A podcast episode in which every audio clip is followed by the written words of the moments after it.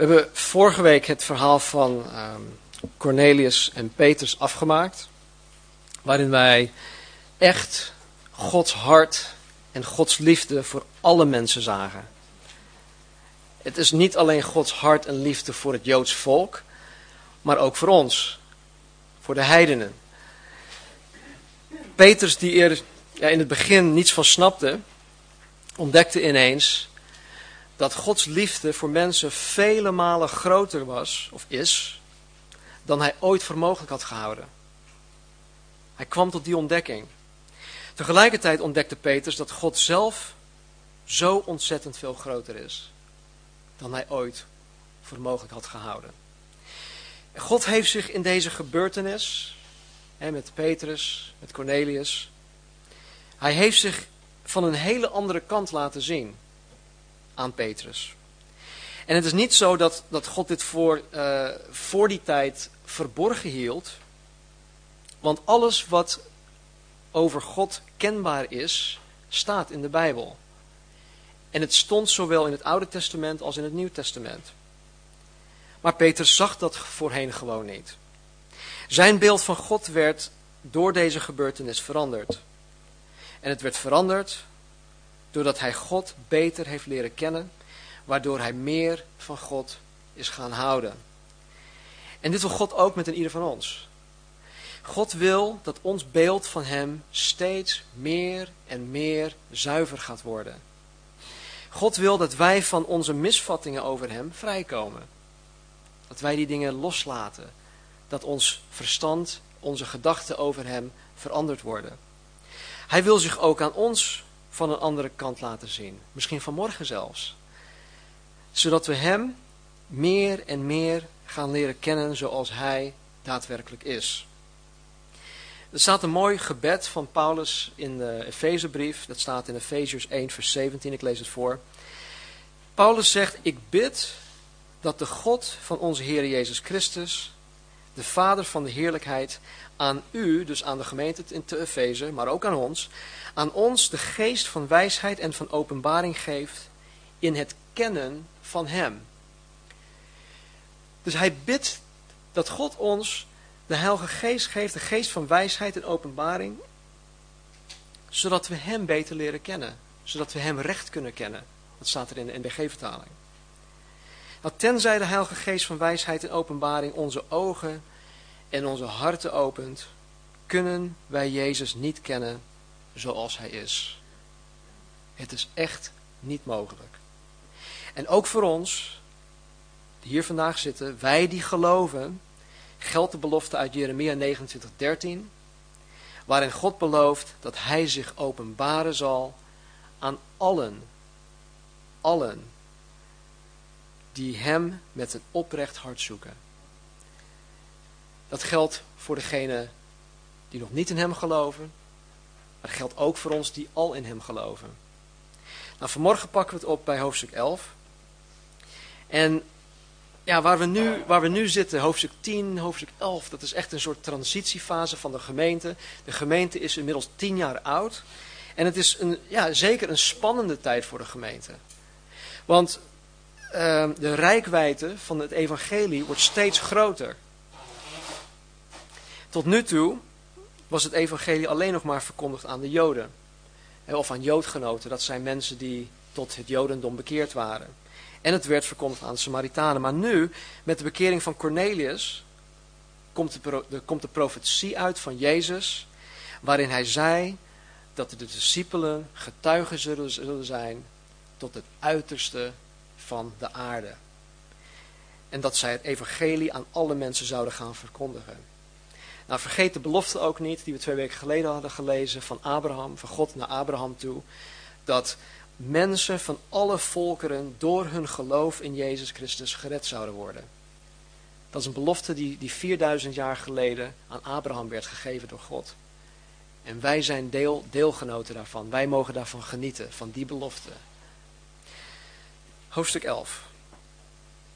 De apostelen en de broeders die in Heel of die in Judea waren, hoorden dat ook de heidenen het woord van God aangenomen hadden. En toen Petrus naar Jeruzalem gegaan was, bestreden zij, die uit de besnijdenis waren, hem en zeiden, U bent binnengegaan bij mannen die de voorhuid hebben, en u hebt met hen gegeten. Maar Petrus begon het hun in goede orde uiteen te zetten en zei, Ik was in de stad Joppe aan het bidden en kreeg in geestvervoering een visioen. Een bepaald voorwerp, voorwerp daalde neer, dat leek op een groot linnen laken, dat aan de vier hoeken neergelaten werd uit de hemel, en het kwam tot vlakbij mij. En toen ik hierop mijn ogen gericht hield en het aandachtig bekeek, zag ik de viervoetige dieren van de aarde, en de wilde, en de kruipende dieren, en de vogels van de hemel. En ik hoorde een stem die tegen mij zei, sta op Petrus, slacht en eet. Maar ik zei, beslist niet, heren, want nooit is er iets wat onheilig of onrein is mijn mond binnengegaan. Maar de stem antwoordde mij voor de tweede keer uit de hemel, wat God gereinigd heeft, mag u niet voor onheilig houden. Dit gebeurde tot drie keer toe, en alles werd weer opgetrokken in de hemel. En zie, ogenblikkelijk daarna stonden er drie mannen, die vanuit Caesarea naar mij toegestuurd waren voor het huis waarin ik was. En de geest zei tegen mij dat ik met hen mee moest gaan, en niet moest twijfelen. En met mij gingen ook deze zes broeders mee. En we zijn het huis van de man binnengegaan. En hij berichtte ons, de, man dus, hoe hij een engel gezien had, die in zijn huis stond en tegen hem zei, stuur mannen naar Joppe en laat Simon halen, die ook Petrus genoemd wordt. Die zal woorden tot u spreken, waardoor u zalig zult worden en heel uw huis. En toen ik begon te spreken, viel de Heilige Geest op hen, evenals op ons in het begin. En ik herinnerde mij het woord van de Heere, hoe hij zei, Johannes doopte wel met water, maar u zult met de Heilige Geest gedoopt worden. Als God dan aan hen dezelfde gave geschonken heeft als aan ons, die in de Heere Jezus Christus geloven, wie was ik dan dat ik God zou kunnen tegenhouden? En toen zij dit hoorden, waren zij gerustgesteld. En ze verheerlijkten God en zeiden, zo heeft God dus ook aan de heidenen de bekering gegeven die tot het leven leidt. Het volgende stukje nog. Zij nu die verstrooid waren door de verdrukking die in, het verband, die in verband met Stefanus plaatsgevonden had, gingen het land door, tot Fenicië, Cyprus en Antiochië toe, en spraken tot niemand het woord dan alleen tot de Joden. En er waren onder hen enkele mannen van Cyprus en uit Cyrene, die, toen ze in Antiochië gekomen waren, tot de Grieken spraken en de Heere Jezus verkondigden. En de hand van de Heere was met hen, en een groot aantal geloofde en bekeerde zich tot de Heere. En wat er over hen verteld werd, kwam de gemeente die in Jeruzalem was, was ter oren. En zij zonden Barnabas uit om het land door te gaan tot Antiochië toe. En toen hij daar gekomen was en de genade van God zag, werd hij verblijd en wekte hij hen allen op om met een hartelijk voornemen bij de Here te blijven. Want hij was een goed man en vol van de Heilige Geest en van geloof. En er werd een grote menigte aan de Here toegevoegd. En Barnabas vertrok naar Tarse om Saulus te zoeken. En toen hij hem gevonden had, bracht hij hem in Antiochië. En het gebeurde dat zij een heel jaar met de gemeente samenkwamen en een grote menigte onderwezen.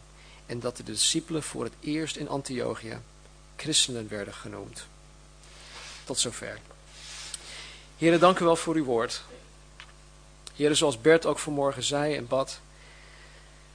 Geloof komt door het horen en horen door het woord van God. Heren, door uw woord tot ons te nemen, geeft u gehoor. Geeft u ons het vermogen om uw stem te horen. Geeft u ons het vermogen om de stem van de Heilige Geest te horen die tot ons hart wil spreken. En zo, heren, geef ons vanmorgen die oren om te horen. Help ons uw stem te kunnen onderscheiden. Open onze ogen, onze harten, onze oren, Heer, voor al dat u voor een ieder heeft, Heer. Dank u wel. Amen. In vers 1 zien wij, of lezen we dit. De apostelen en de broeders die in Judea waren, hoorden dat ook de heidenen het woord van God aangenomen hadden. Toen Petrus naar Jeruzalem gegaan was, bestreden zij die hen uit de besnijdenis waren hem en zeiden, U bent binnengegaan bij de mannen die de voorhuid hebben, en u hebt met hen gegeten. Het nieuws over uh, de bekering van Cornelius bereikte de gemeente in Jeruzalem vrij snel. En zoals ik vorige week ook zei, en dat ondanks dat er geen fax, faxapparatuur was, of e-mail, of CNN en dergelijke. Het bereikte hun vrij snel.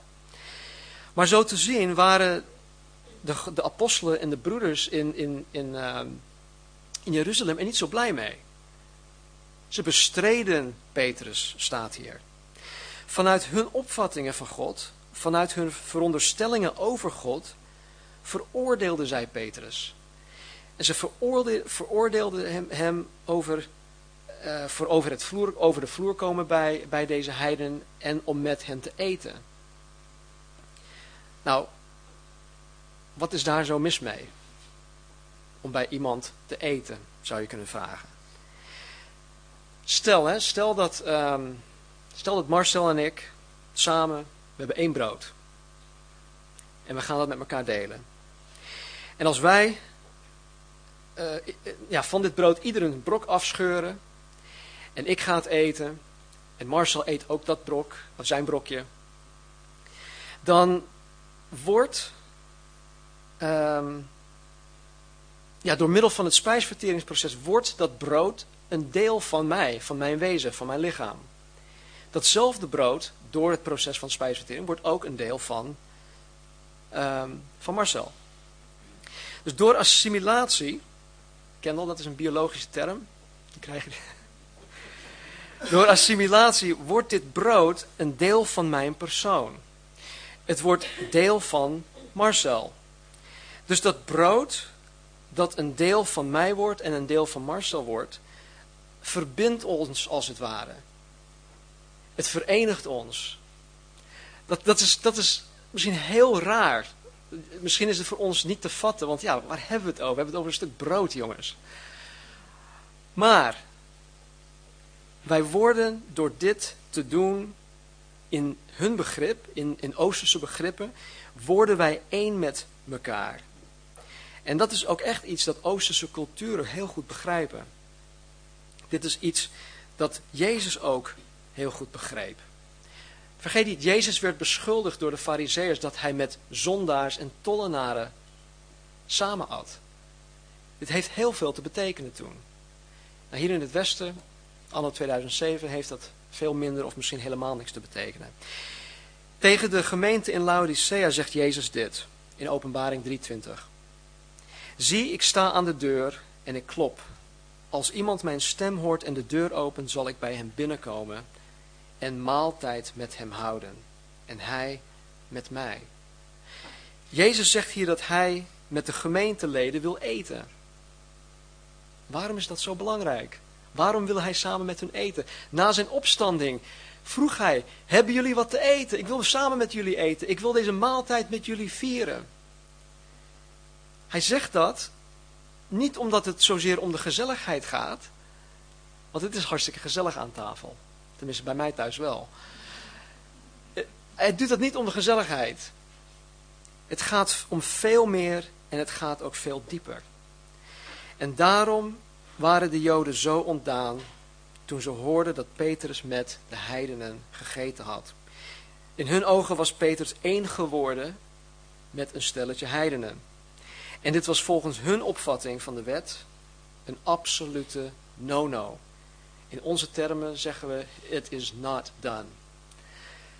Ondanks dat God reeds bekendgemaakt had, zoals ik al zei, in het Oude Testament en het Nieuw Testament, dat God ook de heidenen zou redden, zaten deze Joodse christenen eigenlijk vast in hun tradities. Ze waren er stellig van overtuigd dat indien een heiden tot geloof in Christus wilde komen, dat ze eerst tot het Jodendom bekeerd moest worden. Dat was hun, hun opvatting. Je kan niet zomaar een christen worden. Nee, je moet eerst een Jood worden. Dan pas kan je een christen worden. Ja, met alle gevolgen van dien. Een man moest besneden worden. Dus dat zijn, dat zijn allemaal van die dingen waarin ze vastzaten. Er is een theologische term, of misschien een kerkelijke term daarvoor, en dat heet in het Engels legalism. Hier heet dat misschien legalisme of wetticisme of wettischheid. Nou, waar dat op neerkomt is dat, uh, dat mensen allerlei voorwaarden stellen waaraan iemand moet voldoen. Nou, in dit geval stelden ze de, voor, de voorwaarde dat ze eerst een Jood moesten worden voordat ze in Christus konden of mochten geloven. En dat was bij hun zo ingeworteld dat ze er nog jarenlang uh, mee zouden worstelen. Pas in hoofdstuk 15 lezen we dat, ze, dat de gemeente in Jeruzalem een, uh, een, besluit had genomen over hoe ze met de heidense christenen om, te gaan. En dat, dat ze geen juk op hun moesten gaan leggen. Geen onnodige juk. Maar er zit heel veel tijd tussen. En ook vandaag de dag worden er in sommige kringen verschillende voorwaarden gesteld en regels gehanteerd. Dingen die niet in de Bijbel staan, maar wel als heilig worden beschouwd. En dit hoort echt niet zo te zijn. Nou, op de felle beschuldigingen van, van deze Joden, deze besnedenen, geeft Petrus nu zijn antwoord. En Petrus vertelt hier in principe hetzelfde wat, wat in de afgelopen twee weken, of wat wij in de afgelopen twee weken onder de loep hebben genomen. Vers, vers 4 tot met 15. Dus dat, dat, ga ik, dat sla ik nu even over, want we hebben zo net ook gelezen. In vers 16, daar pakken we het dan weer op. In vers 16 zegt Petrus iets waarvan wij, waarvan ik heel veel kan leren over hoe de Heilige Geest met ons omgaat. Of één facet daarvan. Hoe hij te werk gaat, hoe hij te werk wil gaan met ons. Hij zegt in vers 16, en ik herinnerde mij het woord van de Heere, hoe hij zei, Johannes doopte wel met water, maar u zult met de Heilige Geest gedoopt worden. Jezus zei dit inderdaad. En hij zei dit in Handelingen hoofdstuk 1 vers 5. En dat is zo'n tien jaar voordat Petrus dit herinnerde. Heeft Petrus dit zomaar herinnerd? Heeft hij een olifantengeheugen? Dat hij alles opslaat en alle minuut weer naar boven kan halen? En natuurlijk is dat mogelijk. Er zijn mensen die hele goede geheugens hebben. Die ook hun geheugen trainen. Er zijn oefeningen daarvoor. Maar ik denk van niet. Ik denk dat hier iets bovennatuurlijk gebeurde. In Johannes 14:26 leert Jezus zijn discipelen, hij leert ons over de komst van de Heilige Geest. En Jezus zegt, maar de trooster, de Heilige Geest, die de Vader zenden zal in mijn naam, die zal u in alles onderwijzen en u in herinnering brengen alles wat ik u gezegd heb. Dat woordje trooster vind ik mooi, want in het Grieks is het parakletos. En Jezus zegt, wanneer hij komt, de parakletos komt, dan is iemand die exact hetzelfde is als mij. Wij zijn identiek. Hij is geen haartje anders. Wij zijn precies hetzelfde. En de parakletos is iemand, para betekent naast. Het is iemand die naast je komt staan om met je het christelijk leven uh, te, te, te bewandelen. Om het christen zijn mogelijk te maken. Het getuigen zijn mogelijk te maken. En, hij, en er staat hier, hij zal je in alle dingen onderwijzen. En hij zal in her, tot herinnering brengen alles wat ik je gezegd heb. Dus die parakletos, die, die, die trooster, de heilige geest, die was met de discipelen. Hij is ook met ons. Dus een van de dingen die de heilige geest voor ons doet, dit is maar één hoor, hij doet veel meer. Maar een van de dingen die hij doet is het naar boven halen van het woord van God die wij ooit of herhaaldelijk in de Bijbel hebben gelezen of hebben bestudeerd of ooit misschien in een preek of een bijbelstudie hebben gehoord. Wanneer we het nodig hebben, herinnert de Heilige Geest ons aan het woord van God. Maar er is wel een voorwaarde. En de voorwaarde is niet dat we superheiligen moeten zijn. De voorwaarde, of de voorwaarde is dat wij het reeds in ons hart hebben opgeslagen. Enige voorwaarde. Als het woord van God niet in ons hart opgeslagen staat, dan zal de Heilige Geest het niet naar boven halen. Hij kan het ons ingeven, absoluut. Maar hij doet het niet. Het is een wisselwerking tussen ons en hem. Wij doen ons deel door het woord van God ons eigen te maken en de Heilige Geest doet zijn deel door het naar boven te halen wanneer wij het nodig hebben. Wanneer hij het nodig acht. Het is dus echt afhankelijk van de mate waarin wij het woord van God in ons hart hebben opgeslagen. Als wij, maar, als wij alleen maar Johannes 3 vers 16 in ons hart hebben opgeslagen, dan komen we daar niet ver mee. Het is een waarheid, het is een absolute waarheid. Maar we komen daar niet ver mee. God wil dat wij veel meer in ons hart hebben opgeslagen. En Paulus zegt niet voor niets in Colossense 3:16: laat het woord van Christus rijkelijk in u wonen. Rijkelijk. Vers 17. Als God dan aan hen dezelfde gave geschonken heeft als aan ons die, de Heere, of die in de Heer Jezus Christus geloven, wie was ik dan dat ik God zou kunnen tegenhouden? En toen zij dit hoorden, waren zij gerustgesteld. En ze verheerlijkten God en ze zeiden, zo heeft God dus ook aan de heidenen de bekering gegeven die tot het leven leidt. In dit verslag zien wij dat Petrus niet in opstand kwam tegen degene die hem op het matje hadden geroepen. We zien veel meer hoor in, in dit stuk. Maar we zien in ieder geval dat Petrus niet in opstand, op, opstand kwam. Voor hetzelfde geld had Petrus kunnen zeggen: Jongens, weet je, weet je wel tegen wie je het hebt? Wat denken jullie nou? Denk je nou echt dat ik niet weet waar ik mee bezig ben? Vertrouwen jullie mij soms niet? hallo, ik ben, ik ben de apostel Petrus. Ik wandel al jarenlang met de Heer. Hij heeft mij geroepen. Ik heb hem na de opstanding gezien. En hij kan allerlei zogenaamde kwalificaties naar voren brengen waarom zij hem niet op het matje moeten roepen. En misschien zijn het ook wel terechte redenen waarom dat niet zou, voor hem zou gelden. Maar Petrus deed dit niet. Ondanks dat hij de apostel Petrus was, bleef hij nederig en hij bleef ondergeschikt. Luister, hij, de apostel Petrus, bleef ondergeschikt aan zijn collega-apostelen en aan zijn Joodse broeders. De Bijbel leert ons in Filippenzen 2 vers 3 Handel niet uit geldingsdrang of eigenwaan, maar acht in alle bescheidenheid de ander belangrijker dan jezelf. In Romeinen 12, vers 3 zegt Paulus: Overschat jezelf niet, maar laat je in uw denken leiden door bescheidenheid. Ik denk dat Petrus deze les goed heeft geleerd. Stel je voor dat hij anders had gereageerd. Dat hij zich op zijn tenen had uh, getrapt had gevoeld.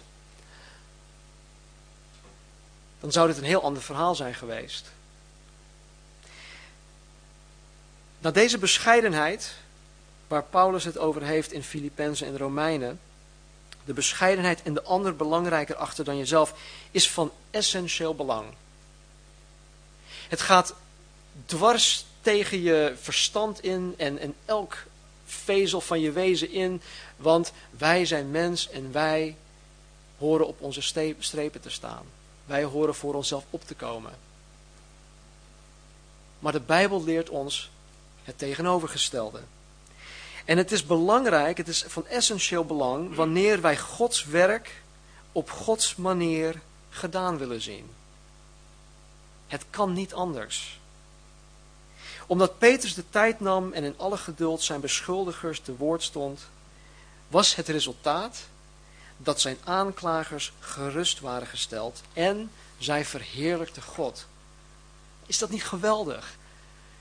Wanneer we in bescheidenheid de ander uitnemender achter dan onszelf, dat het resultaat is dat mensen gerustgesteld worden, dat mensen God gaan verheerlijken.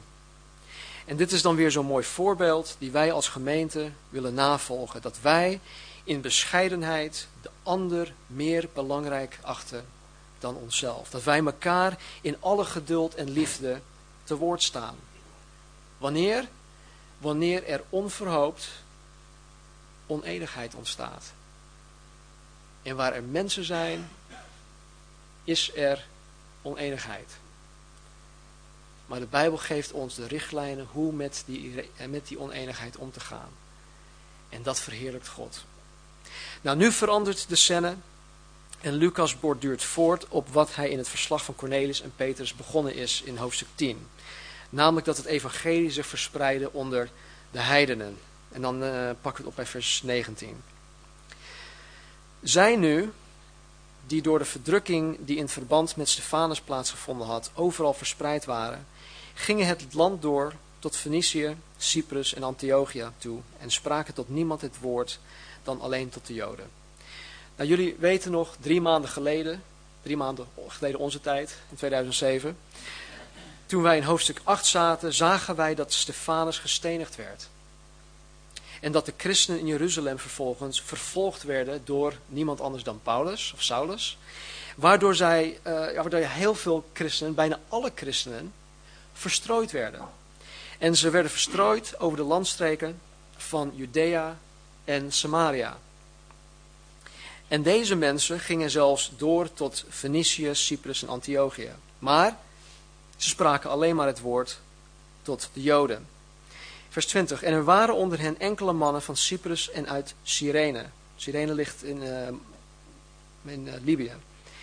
Die toen ze in Antiochië gekomen waren, tot de Grieken spraken en de Heer Jezus verkondigden. En de hand van de Heer was met hen en een groot aantal geloofden en bekeerden zich tot de Heer.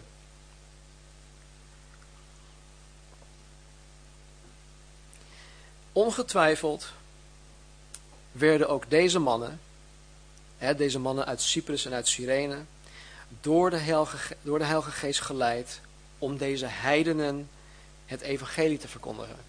Het kan niet anders. Het kan geen eigen initiatief zijn geweest.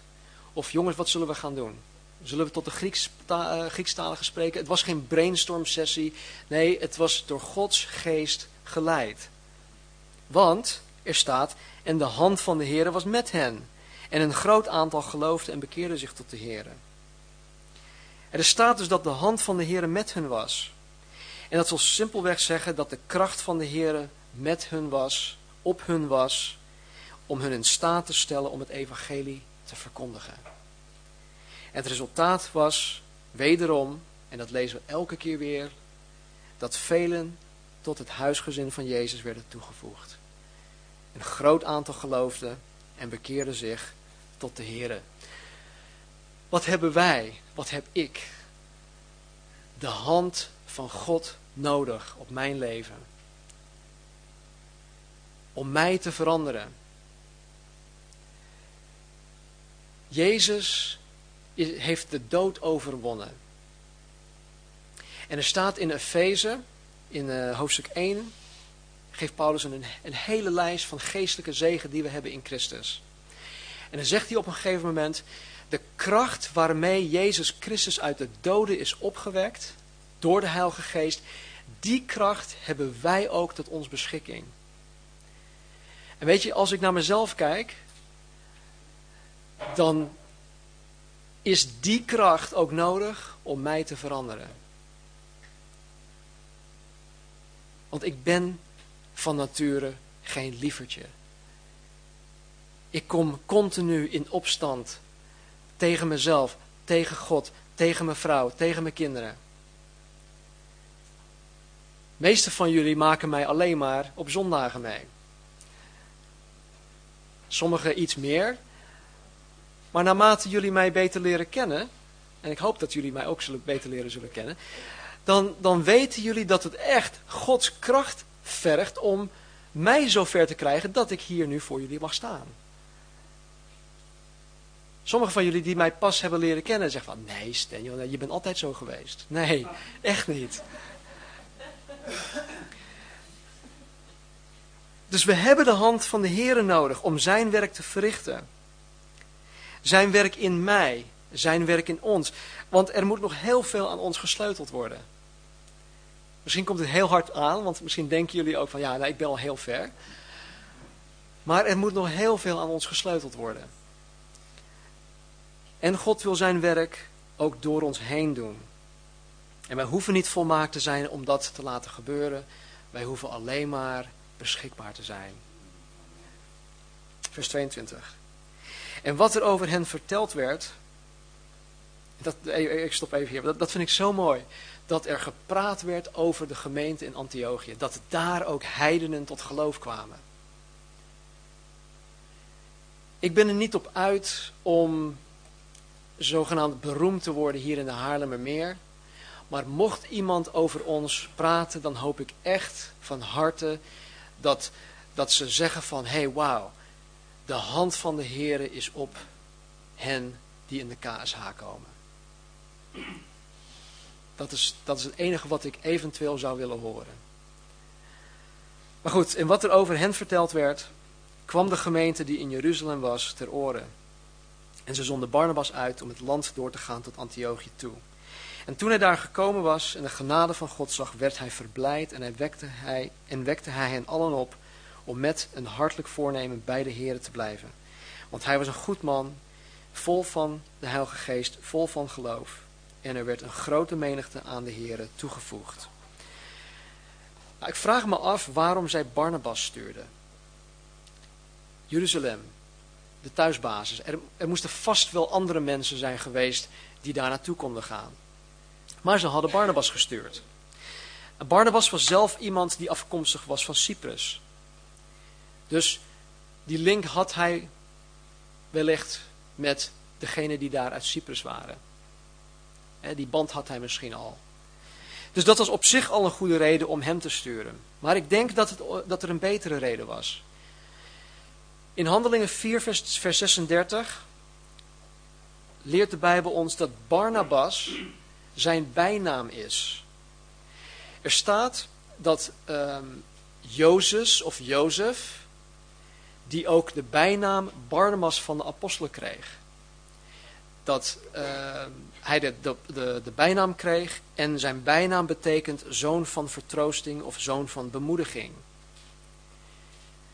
En dat vind ik wel mooi, want meestal, ja, vooral in die tijd, kregen mensen een bijnaam op basis van hoe zij zijn. Hun karakter, hun persoonlijkheid, hun eigenschappen. En misschien is het ook leuk om elkaar hier bijnamen te geven. Wel in de positieve zin natuurlijk.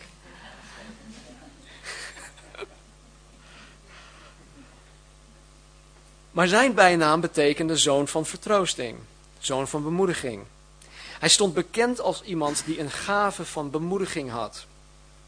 En dit is zeker ook een goede reden om hem naar Antiochië te sturen. Maar ik denk nog steeds dat er een betere reden was.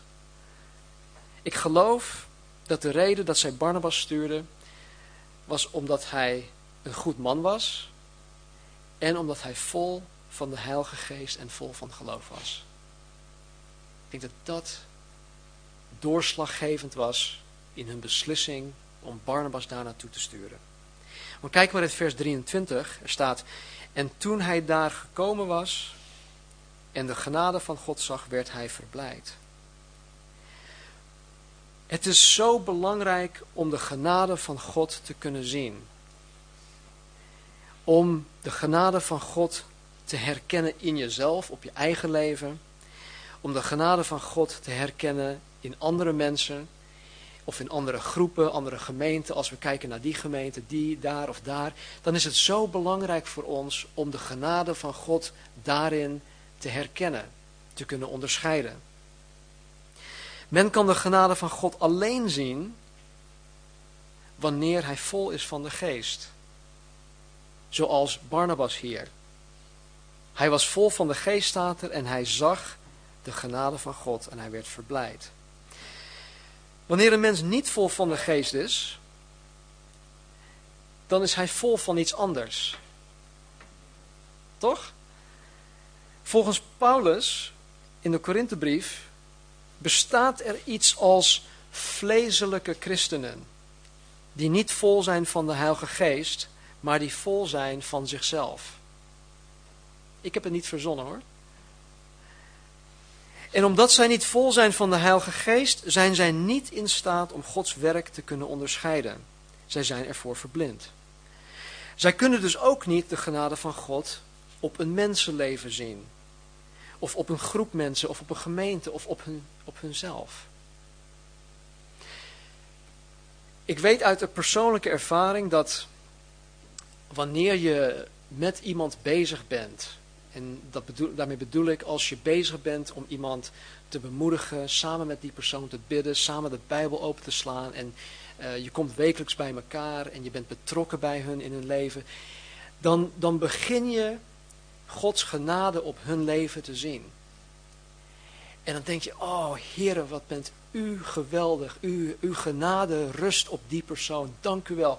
Heere, vermenigvuldig uw genade. Laat het nog meer en meer worden op die persoon. Nou, een andere persoon die niet zo nauw betrokken is bij, bij, bij deze uitwisseling, die misschien ook in dezelfde gemeente komt, die misschien niet vol is van de geest, die kan naar die persoon kijken en die kan zeggen van, ach, wat een akelig mens is dat. Heb je die horen zeggen van dit en die hebt dat gezegd en oh, ik heb die van de week nog gezien bij de, in de supermarkt, wat die aan had. Nou, allerlei dingen kunnen gezegd worden over die persoon. Degene die vol is van de geest, die samen met God bezig is, die voor die persoon bidt, die kijkt door al die uiterlijke dingen heen, hè, die oppervlakkige dingen, en die zien God aan het werk in het hart van die persoon.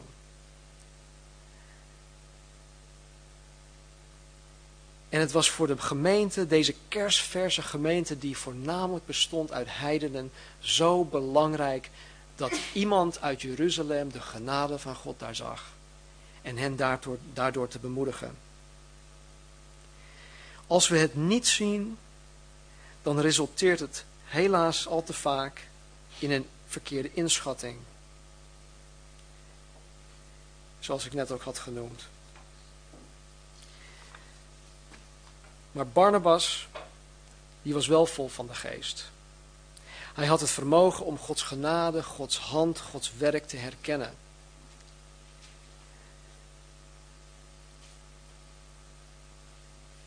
En ik denk, nou ik weet het zeker, dat God het ook zo met ons wil hebben. Dat wij oog hebben voor de genade van God op mensen. Dat we oog hebben voor de genade van God in situaties. Niet omdat wij het alleen maar zien en kunnen zeggen prijs de Heer, maar vooral zodat wij effectief gebruikt kunnen worden als een instrument van zegen in Gods hand. God laat het ons niet zomaar zien maar dat wij er iets mee kunnen doen. Dat wij meer voor die persoon gaan bidden, dat wij meer betrokken blijven, dat wij gewoon een instrument van zegen kunnen zijn voor die persoon of personen. Wanneer ik vol ben van mezelf en niet van de Heilige Geest, dan zie ik Gods genade niet. Punt uit. Sterker nog, als je vol bent van jezelf en niet van de Heilige Geest, dan zie je zelfs spoken. Je ziet spoken, niet spoken, maar Jullie weten wat ik bedoel. Dat is een Nederlandse uitdrukking, heb ik geleerd. Maar dan ga je spoken zien. Dingen die, niet, die er eigenlijk niet zijn. Goed, vers 25. En Barnabas vertrok naar Tarse om Saulus te zoeken. En toen hij hem gevonden had, bracht hij hem in Antiochië. En het gebeurde dat zij een heel jaar met de gemeente samenkwamen en een grote menigte onderwezen en dat de discipelen voor het eerst in Antiochië christenen genoemd werden. Nou, ik vond het heel wijs van Barnabas om Saulus erbij te betrekken, om hij erbij te halen. Hij kwam waarschijnlijk tot het besef dat hij het zelf niet aankon, dus hij erkende dat hij hulp nodig had. En er was eigenlijk geen betere dan Saulus. Want toen Saulus geroepen werd in Handelingen hoofdstuk 9, werd hij specifiek geroepen om de apostel tot de heidenen te zijn. Om de heidenen te dienen. En zo waren ze daar samen een jaar bezig met de gemeente om hun te onderwijzen. En dit bevestigt weer wat wij in hoofdstuk 2, vers 42 hebben geleerd: dat de gemeente bleef volharden in de leer van de apostelen, hè, Bijbelstudie, gebed, breken van het brood en de gemeenschap. En hier zien we dat zij dus echt, dat ze daarin bleven volharden. Tien jaar later doen ze nog steeds hetzelfde. Ze blijven op koers. En ze waren een jaar bezig de gemeente te onderwijzen. Ze volharden in de leer van de apostelen. Ze volharden in bijbelstudie.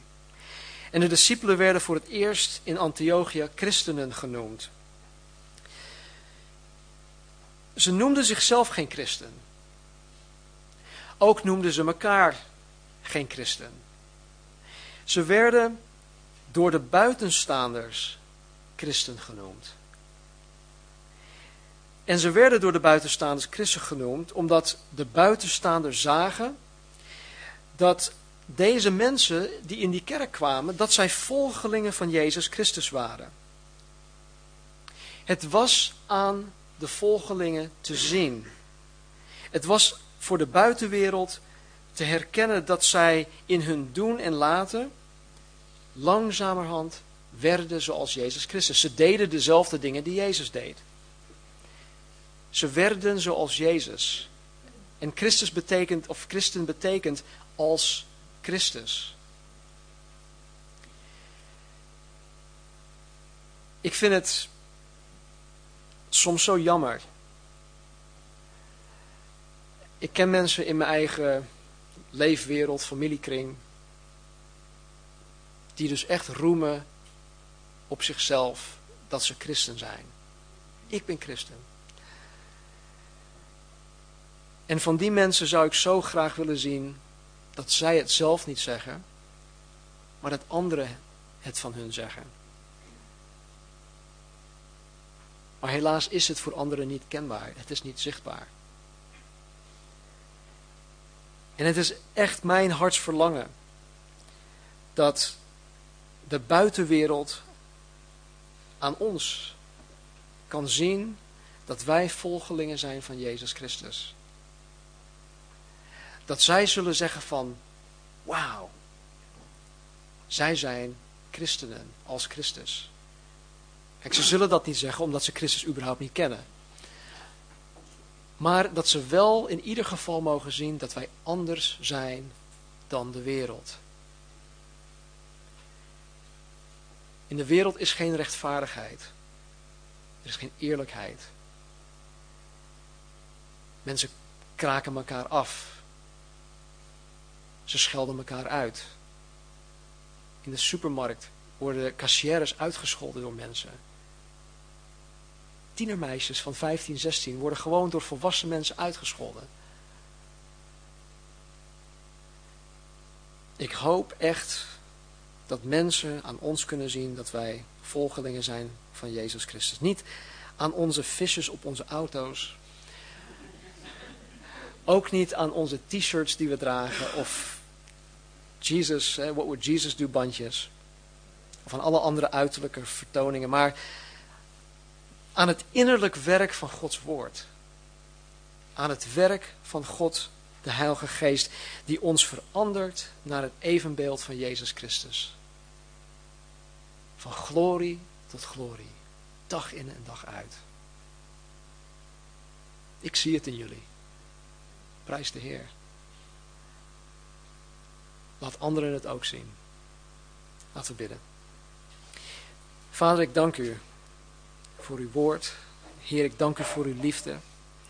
Heer, ik dank u voor uw Heilige Geest. Heer, de Parakletos die naast ons staat, die in ons woont. Heer, om ons als Christus te laten zijn. Vader, ik weet dat wanneer ik vol van mezelf ben, dat ik zo lelijk kan zijn.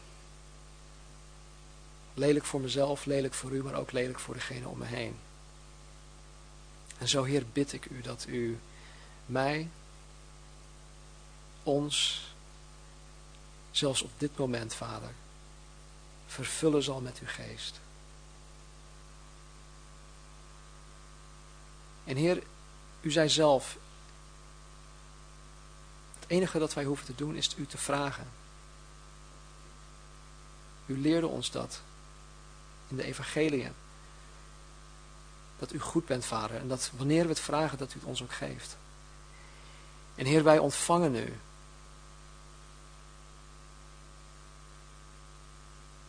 Opnieuw. Uw Heilige Geest, hier in geloof.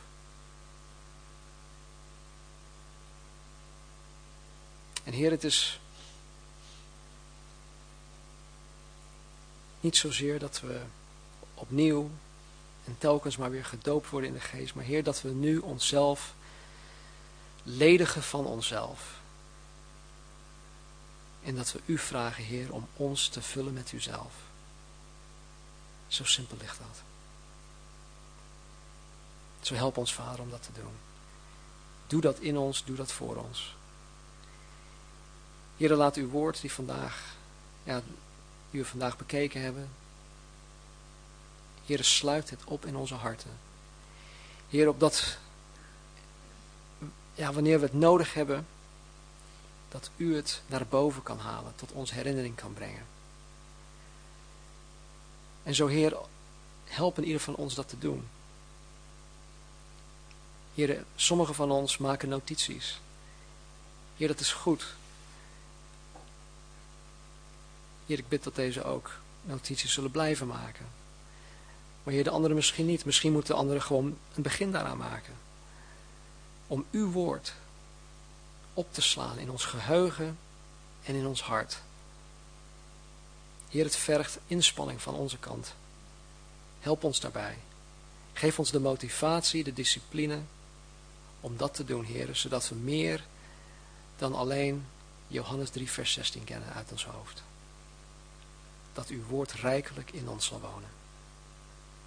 Heer, niet dat we krampachtig te werk gaan, maar Heer, dat we gewoon in alle vrede, in alle rust, samen met u, uw woord tot ons nemen. Dank u Heer dat u met ons wil eten. Dat u één wil zijn met ons. Wat een genade, wat een liefde. In Jezus' naam. Amen. Amen.